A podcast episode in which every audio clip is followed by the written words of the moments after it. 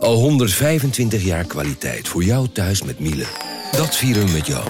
Ontvang nu tijdelijk een cashback tot 125 euro op veel Miele-apparatuur. Geniet van de kwaliteit van Miele. Voor perfect verzorgd wasgoed en kleding die veel langer mooi blijft. Voor een stralend schone vaat, even perfect als jouw diners.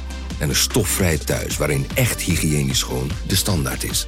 Check miele.nl voor alle feestelijke aanbiedingen. Hey podcastluisteraar. Ook op zoek naar een relevante invulling van je schaarse luisteruren? Tune dan in op de podcastserie ESG, even samengevat van BNP Paribas. Wij, Marloes en Aldert, spreken daar duurzame voorlopers en wereldverbeteraars. Waarover dan? Nou, bijvoorbeeld of we ooit duurzaam kunnen gaan vliegen. En waarom koeien in de stad nou een goed idee is? Dat en meer elke twee weken in een nieuwe aflevering. Dus abonneer je. ESG, even samengevat.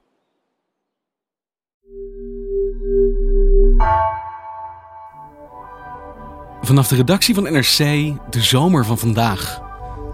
Mijn naam is Thomas Ruip.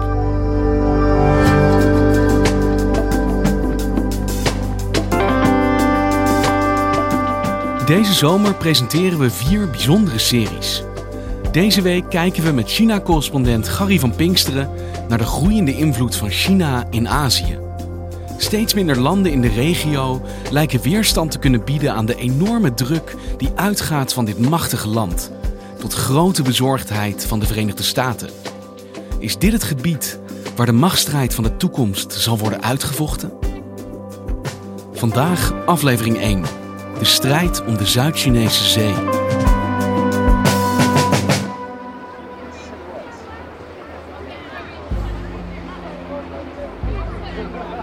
Op 22 mei is er vanuit Engeland in de schemering een militaire vloot vertrokken met negen schepen en waar ook 18 gevechtsvliegtuigen aan boord. Je ziet die vliegtuigen op die vliegtuigschepen ook staan. En er zijn 3700 man personeel aan boord op die schepen. En die vloot die trekt naar Oost-Azië. Uh, er is één Nederlands fregat bij. En verder zijn het Britse en Amerikaanse schepen. Dus het zijn drie landen die samen op pad gaan. En ook op verschillende plekken zo'n zeker tien militaire oefeningen willen gaan doen. En wat is het doel van deze missie? Nou, we weten in ieder geval dat de uh, Britse leider Boris Johnson daar wat over gezegd heeft. One, of the things we'll be doing clearly is uh, showing to our friends in China that we uh, believe in the international law of the sea. And in a, a confident but not a confrontational way, we will be vindicating that point. We gaan uh, zien dat we een indrukwekkende militaire macht zijn. Maar hij zegt, we gaan daar ook om onze soft power te laten zien, om onze waarden te laten zien. They'll be projecting uh, not just Britain's uh, hard power, uh, our military capabilities, that, which are obviously extraordinary, but also our soft power, our values, what we stand for, our belief in democracy, in the rule of law. En wij willen ook vasthouden aan wat wij vinden dat er internationaal uh, aan regels zou moeten gelden. En dat, wij vinden dat China zich er ook aan moet houden. Doen ze het niet vrijwillig, dan proberen we het af te dwingen.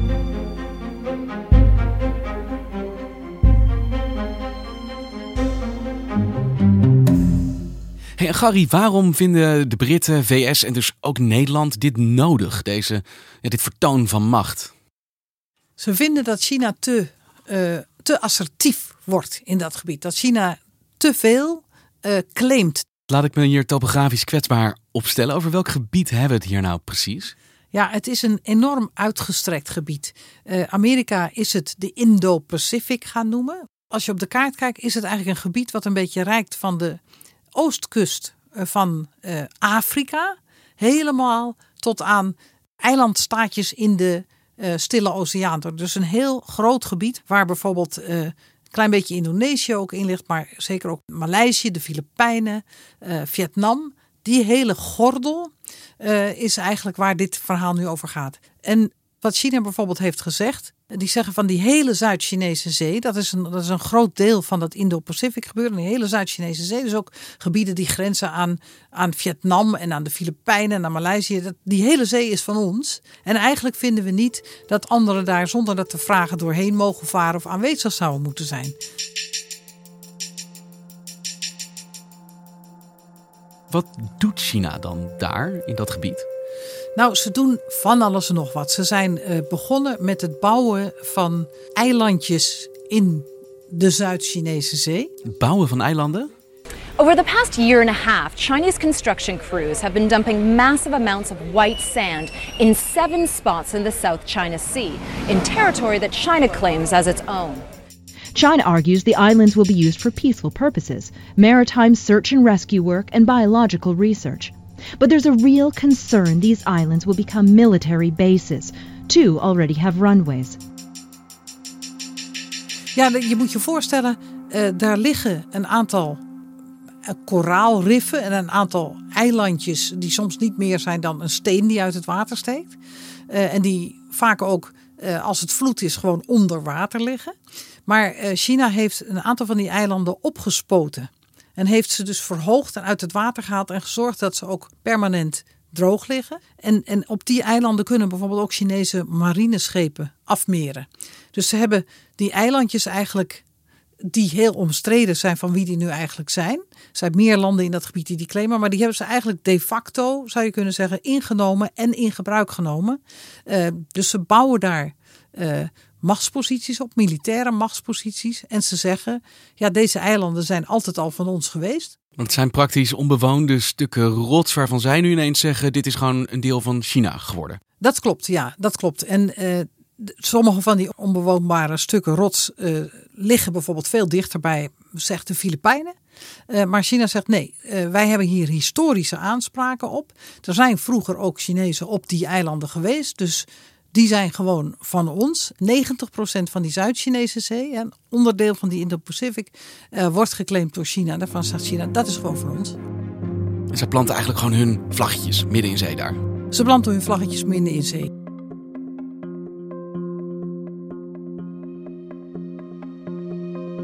Wat betekent dat voor de regio? Hoe reageren de buurlanden daar dan op die dit eigenlijk voor hun kust zien gebeuren?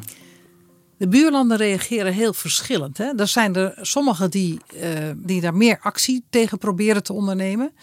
Uh, maar je moet je ook voorstellen, China is een heel belangrijke regionale macht. Is economisch ook heel belangrijk, militair heel sterk. En de landen die daar omheen liggen, zijn er geen van allen, kunnen echt weerstand bieden aan China, zijn daar sterk genoeg voor. En nu is er dus een Britse, Noord-Amerikaanse, Nederlandse vloot op weg naar dit gebied. Want wat hebben die daar dan te zoeken? Ja, China zegt ze hebben daar helemaal niets te zoeken. Dit is onze achtertuin. Wij vinden dat de spanningen in dat gebied opgevoerd worden doordat vooral Amerika daar de hele tijd maar door die zee heen vaart. En daar kijken de Amerikanen en de Britten en Nederland dus anders naar. Die zeggen dat is gewoon onzin wat China daar zegt. Want wij hebben altijd door dit gebied gevaren. Dit moet een gebied zijn waar wij vrijelijk doorheen kunnen varen klopt ook met de internationale wetgeving, met het internationale zeerecht. Dus dat China opeens zegt: die hele zee is van ons en daar mag niet meer vrij doorheen gevaren worden, zomaar. Of alleen als wij dat tolereren. Dat is absoluut onacceptabel. Het is agressief van China. En dat nieuwe soort van wat wij zien als despotisme van China, gaan we niet accepteren. Maar er wordt hier dus ook een heel principieel punt gemaakt. Dit is van iedereen, niet van jullie. Ja, maar het is natuurlijk ook wel zo dat dat gebied economisch ontzettend belangrijk is. En steeds belangrijker. Niet alleen voor Amerika, ook voor Europa. Want de grootste groei internationaal van de handel en van de economie komt uit dat gebied. Komt niet meer uit uh, zeg maar het Atlantische gebied tussen Europa en Amerika. Dus de, de groei ligt nu aan de andere kant van de wereld. En uh, Europa en Amerika zetten ook heel erg zwaar in op uh, bondgenootschappen sluiten met landen in die regio die niet China zijn, om ook hun economische belangen daar veilig te stellen. Ja, dus je kan zeggen het gaat hier om een handjevol schepen en een paar eilanden waar niemand eigenlijk iets te zoeken heeft. Maar het is wel het decor van een hele grote en complexe internationale machtsstrijd. Het is het gebied waar de machtsstrijd tussen vooral de VS en China van de toekomst waarschijnlijk zal worden uitgevochten. Als je dit gebied beheerst, dan beheers je eigenlijk een heel groot gedeelte van de wereldeconomie.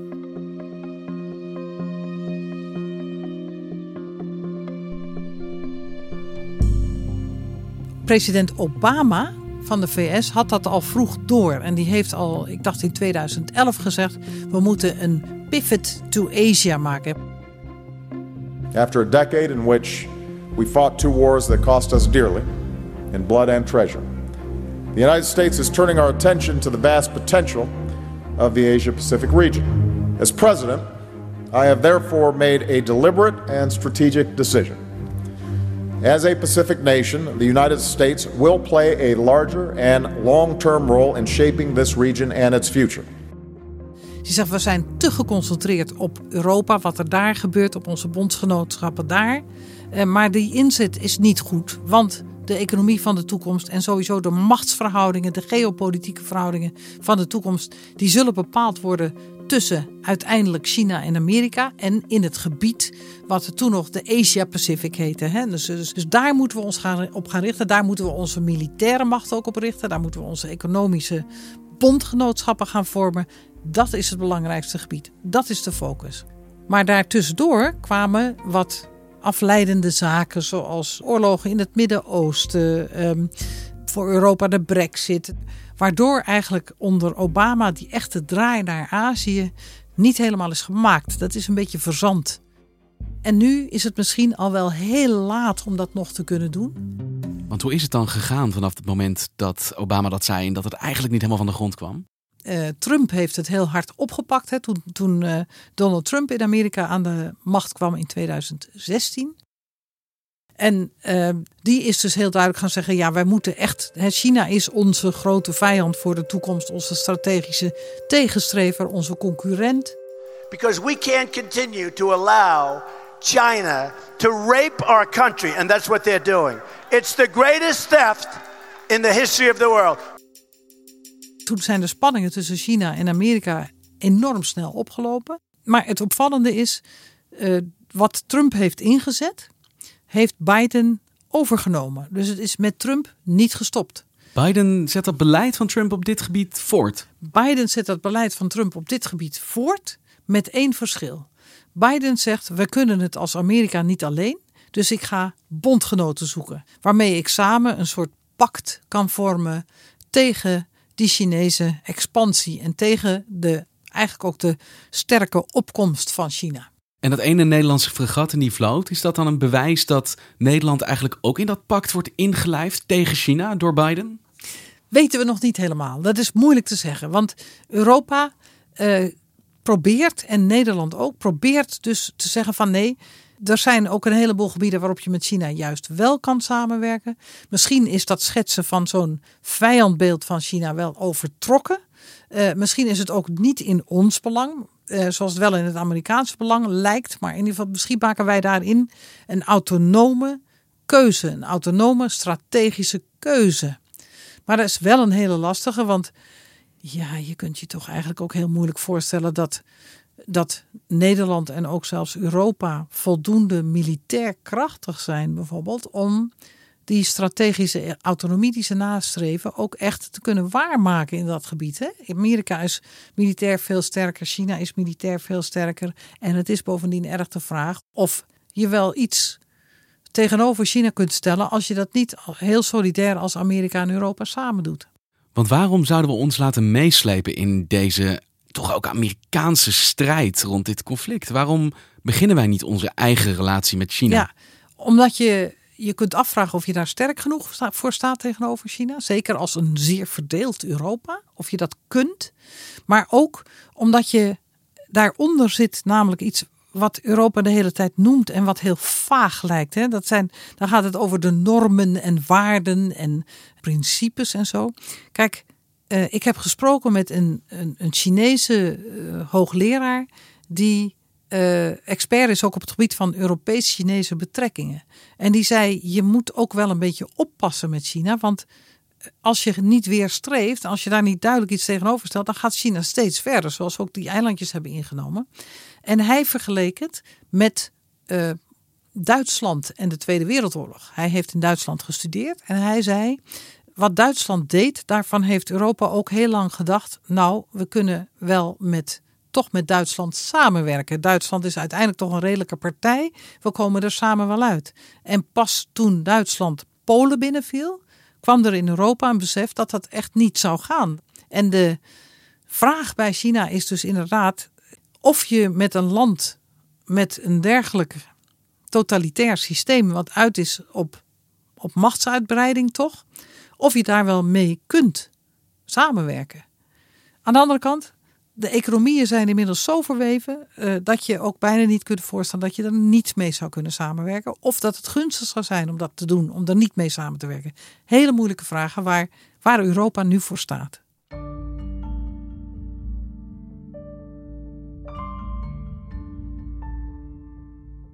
Want wat is de angst van Europa hier nou precies?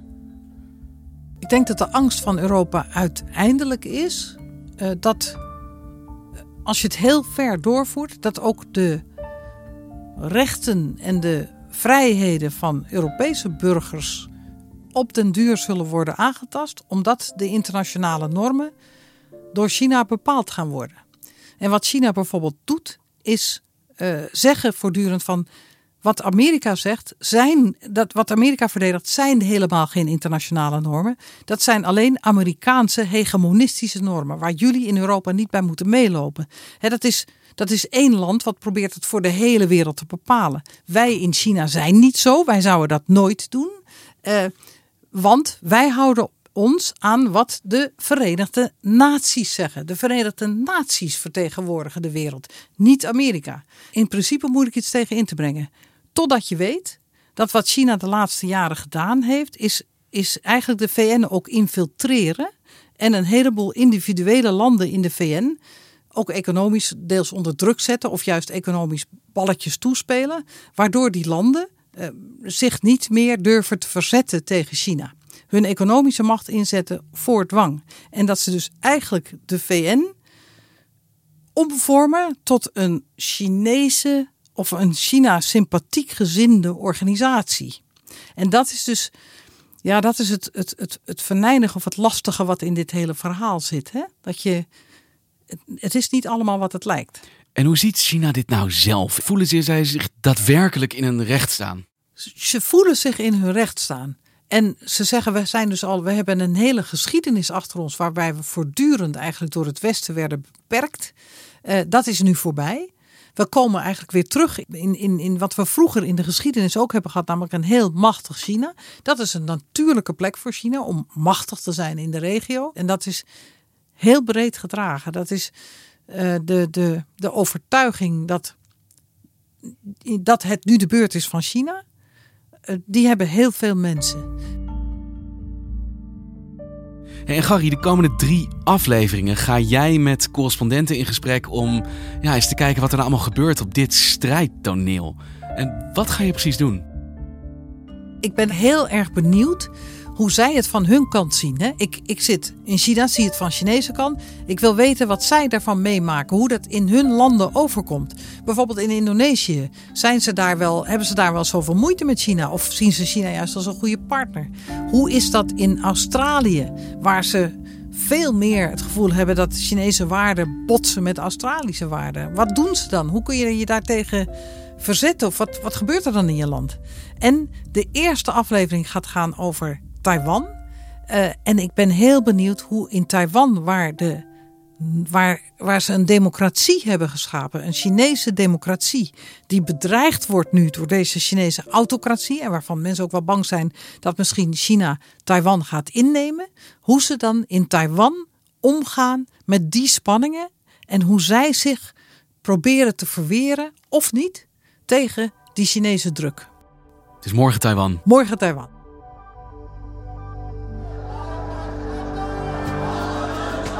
Hij zag dat Hongkong uh, massaal de straat op was gegaan om voor hem te protesteren. Om te vragen waar is Lam Wingki? The people of Hong Kong come out to say no. En toen dacht hij, ehm, ik kan niet meer terug naar China. Ik moet uh, naar buiten komen met wat er met mij gebeurd is. Nou, dan geef ik bij deze het uh, spreekwoordelijke stokje aan jou door. Dankjewel. Dankjewel, Gary.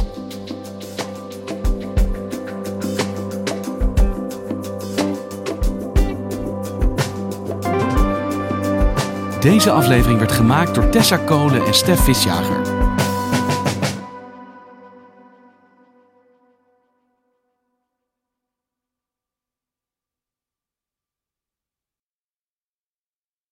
Technologie lijkt tegenwoordig het antwoord op iedere uitdaging. Bij PwC zien we dit anders. Als we de potentie van technologie willen benutten, kunnen we niet zonder een menselijk perspectief. Human-led, tech-powered noemen we dat. Ga naar pwc.nl.